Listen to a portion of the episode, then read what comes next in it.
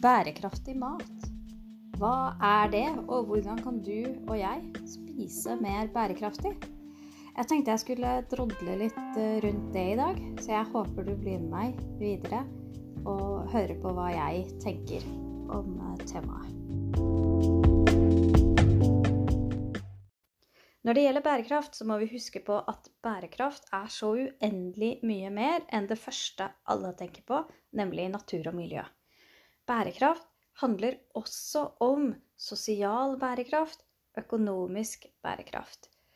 Og hvordan alle disse bærekraftelementene fungerer sammen og påvirker hverandre. Og det er sånn at dersom man gjør en forskyvning i ett av bærekraftelementene, så vil det påvirke resten av elementene. Og for eksempel så vil det være uheldig bærekraftmessig dersom man eh, produserer et produkt som fratar lokalbefolkningen sine rettigheter eller tilgangen på sine ressurser. Det kan være seg jobb, det kan være seg mat, det kan være seg naturmiljøet som de er vant til å bruke. Og alt dette her spiller inn når vi snakker om bærekraft og bærekraftig mat.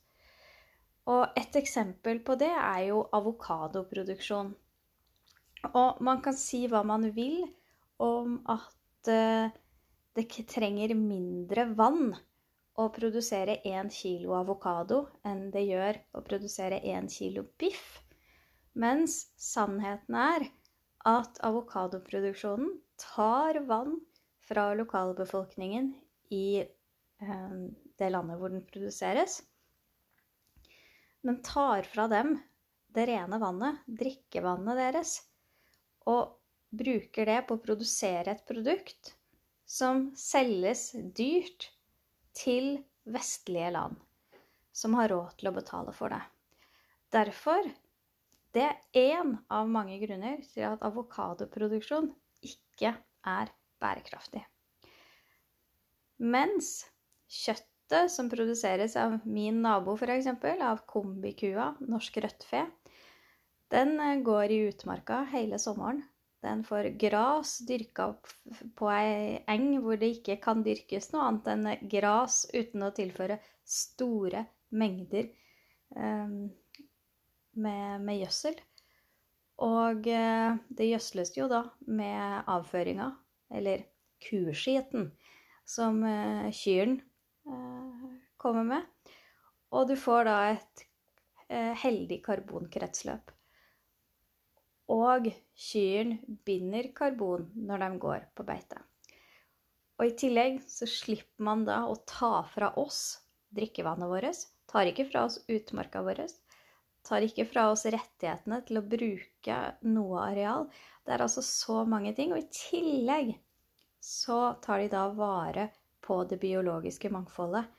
Opprettholder det biologiske mangfoldet, forhindrer gjengroing og tilfører biologisk materiale tilbake til jorda.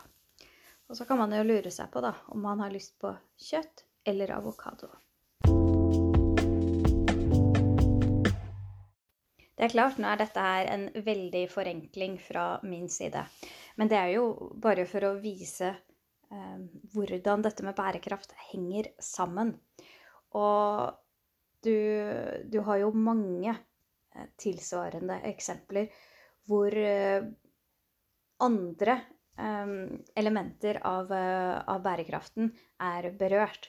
Og som påvirker da hvorvidt det du spiser eller kjøper, er bærekraftig eller ikke. Det som, eh, det som, jo også er spørsmålet, hvis man på en måte skal ta den helt ut, ikke sant, det er jo hvorvidt man skal støtte bønder i fattige land, eller om man skal opprettholde en sunn økonomi i eget land. Og det er jo igjen da en avveining mot eh, transportøkonomiske hensyn, ikke sant. Altså hvor mye CO2 slippes ut i forbindelse med transport og produksjon i Norge versus utlandet. Sånn at dette her er vanvittig sammensatt. Og jeg tenker at jeg skal ikke gå inn i, i, i, dybden på det, men jeg vil at du skal begynne å tenke på hvor er det du vil legge igjen pengene dine. Og hva er det du ønsker av landet ditt, naboen din, min nabo, noen andres nabo, bygdesamfunn i Norge? Hva er det vi ønsker oss um, i fremtiden? Og i tillegg så kommer selvfølgelig dette her med antibiotikabruk opp. Norge er jo et av landene hvor veterinærer får betalt per konsultasjon Altså hver gang de kommer på gården, så får de betalt. De får ikke betalt, som i enkelte andre land, for hver gang de skriver ut medisiner. Det er ikke lov å få prosenter når man skriver ut medisiner, og det er strengt regulert når man får bruke medisiner. I tillegg så er det ikke tillatt å fòre med antibiotika i fòret. Og det er så uendelig viktig. Jeg anbefaler dere å gå inn på faktisk.no og lese artikkelen om antibiotikabruk i landbruket. Du får hakeslepp. Vi er altså så fantastisk flinke i Norge at jeg får litt gåsehud av å snakke om det. Så gå inn faktisk.no og les artikkelen om antibiotikabruk. Det vil du takke meg for etterpå. Og når vi har snakket både om antibiotikabruk, vi har snakket om dette med bærekraft, så kommer selvfølgelig noe av det som er viktig i den situasjonen vi er i nå og vil være i framover. Det er altså graden av selvforsyning i Norge. Graden av selvforsyning i Norge har jo sunket fordi vi importerer store mengder mat hvert eneste år. Og selv om f.eks. flere av våre oster har vunnet de gjeveste prisene i oste-VM, så har vi aldri importert så mye ost. Og det er jo, ironien der er jo knapt til å ta feil av. Og man kan jo lure på, da, hvordan skal, skal vi klare å, å lage mat til oss selv hvis vi ikke spiser den maten vi selv produserer? For vi har rett og slett vært så avhengig av den importerte maten. I stedet for å selge det lammet og det sauekjøttet som vi produserer, istedenfor å selge mer svinekjøtt enn bare indrefilet, steik og kjøttdeig. Eh, det er så uendelig mange flere deler av et dyr, og det er så mye mer mat enn det vi finner i butikkene som det er mulig å lage fantastisk god mat av. Og det er sånn Det er kunnskap vi har glemt. Det er ting vi ikke tenker på. Fordi at det er store matvarekjeder som strengt tatt bestemmer hva vi skal spise og ikke spise, og hvilket utvalg vi skal ha. Og sist ut nå var jo f.eks. Meny, som sier de tar samfunnsansvar og sørger for matsikkerheten, og så selger de da tysk storfekjøtt, i stedet for å sørge for at vi har norsk mat på bordet, og Tyskland beholder sin mat. For eh, det vil jo være et problem for ikke bare Norge, men for andre land også, med egen selvforsyning i disse koronatider. Som du sikkert er dritlei av at alle sier. Men det er altså situasjonen. Og hvordan kan vi da sørge for å bruke mest mulig av den maten vi har, på en fornuftig måte? Det er egentlig det jeg hadde tenkt jeg skulle snakke mer om. Vi må, vi må på en måte grave litt sånn Grave hullet og bygge bøtta, holdt jeg på å si, før vi kan begynne å snakke om det jeg virkelig skulle snakke om. Og det handler jo om hva vi kan gjøre for å utnytte den maten vi har, best mulig. Hvordan kaste mindre mat. Hvordan spise den maten vi har. Og på en måte lære oss å bli litt glad i både rester og stykningsdeler vi kanskje ellers aldri hadde brukt. Et eksempel på et dyr som brukes veldig lite, men som gir fantastisk mat, det er jo et dyr jeg er veldig glad i. Og bruker så ofte som jeg rekker, egentlig. Det er høne. Høne. Dette dyret som eh, gasses i hjel og kastes på dynga når det har gjort jobben sin med å legge egg. Det er jo egentlig helt tragisk. Eh, sannheten er at hvis du tar høna, selv om det ikke er så mye kjøtt på den, så tar du den, legger den i en eh, bøtte med vann En kjele, kanskje, med vann. Så tar du alt det skrellet fra gulrot, fra. Altså den slappe paprikaen, den eh, løken som har begynt å spire litt, hvitløken som har tørka inn, og ingefæren som eh, nesten begynte å møgle, som du da har hevet i eh, fryseren noen uker tidligere, tar du nå frem, putter ned i gryta sammen med den frosne høna, putter oppi litt grann eplesidereddik og litt salt, og så lar du det koke, koke og koke litt til. Mens eh, du er på jobb eller du går deg en tur. Uansett, bare la det stå og koke i mange timer. Så siler du det, reduserer det, og så har du fantastisk base til både supper og gryter. Og hvis du stussa litt på alle disse slappe grønnsakene og sånt, så er det altså et triks. Har du en slapp bit av en grønnsak i kjøleskapet, ha en ziplock-pose eller ha en boks, sånn isboks i fryseren. Putt det nedi der, og så tar du det fram når du skal koke kraft av høne, f.eks. Eh, og det kan være skrell fra gulrot. Det kan være da den slappe løken eller halvparten av løken som du ikke fikk brukt, og som begynte å bli litt slapp. Altså, de er ikke ødelagt, grønnsakene, selv om de ser litt stygge ut. Smaken er like god. Det er først når det er mugg på grønnsaker at uh, de ikke kan uh, kokes kraft på. Og jeg lover deg, det blir så godt.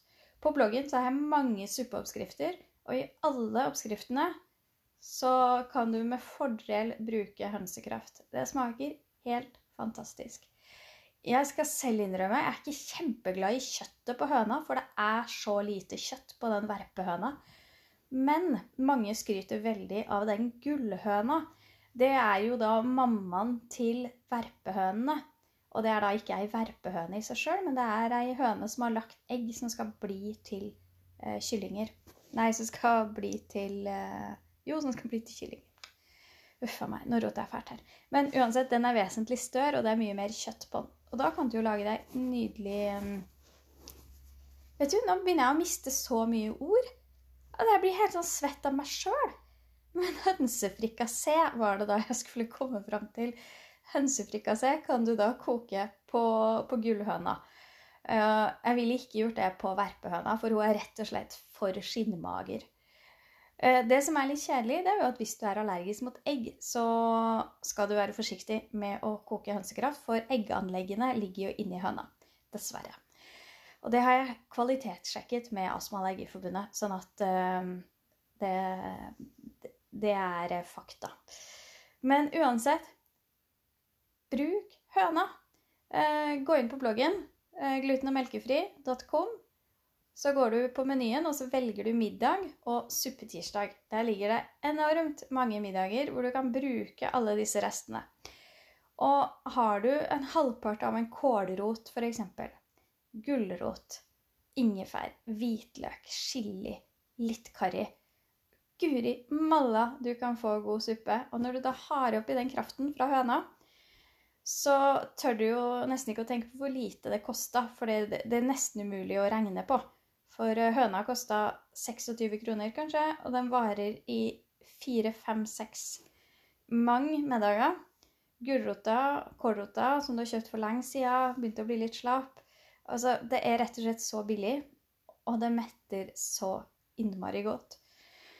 Så man kan på en måte si hva man vil om eh, bærekraftig mat, avokadoer versus kjøtt osv., osv., osv. Mens når alt kommer til alt, så handler bærekraft om å bruke de ressursene man har. Bruke det man har tilgjengelig. Det handler om å være nøysom. Det handler om å bruke alt og kaste minst mulig. Og det handler om å støtte opp under og sørge for at pengene når fram til de som faktisk skal ha pengene. Og det innebærer også å handle rett ifra bonden, og ikke på Rema. Det, eller OBS eller hvor det måtte være. Altså, det handler rett og slett om å ta bevisste valg når vi gjør innkjøpene våre. Og det syns jeg er veldig viktig å tenke på.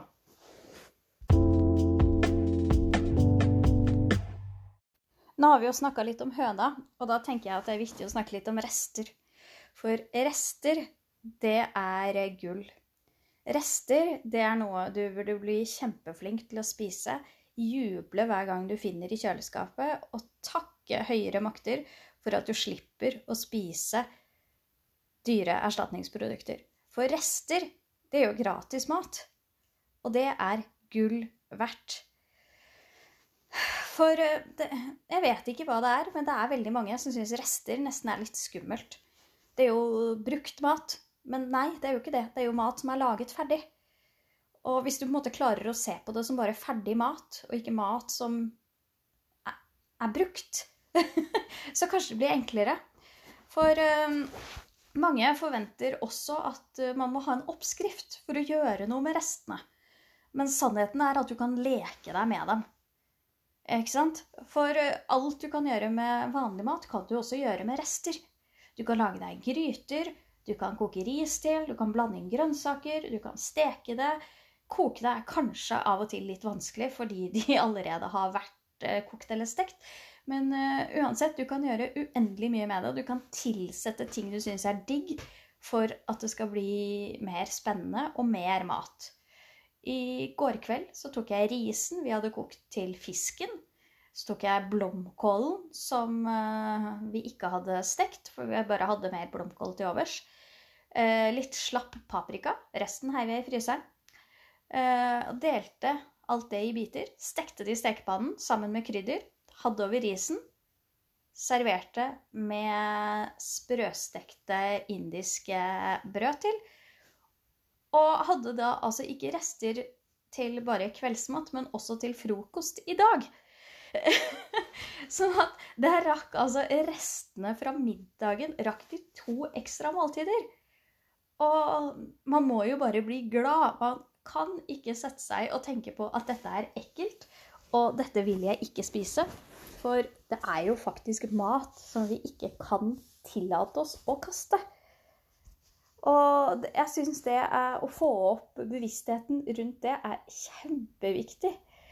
Så hvis du er en racer på å spise rester, så trenger du ikke å høre på det her. Hvis du syns rester er ekkelt, skummelt og vanskelig, så bør du rett og slett lære deg å elske rester.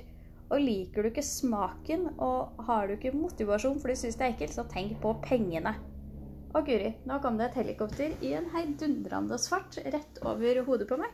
Eh, derfor eh, veldig mye lyd her. Men tenk på pengene. Altså, finn det som motiverer deg til å prøve å være mer bærekraftig. For eh, rester, det er altså gull som ikke glimrer.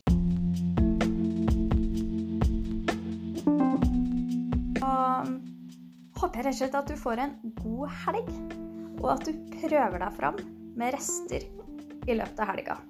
Jeg regner med at det blir restepizza på lørdag kveld. Sånn som det nesten alltid blir.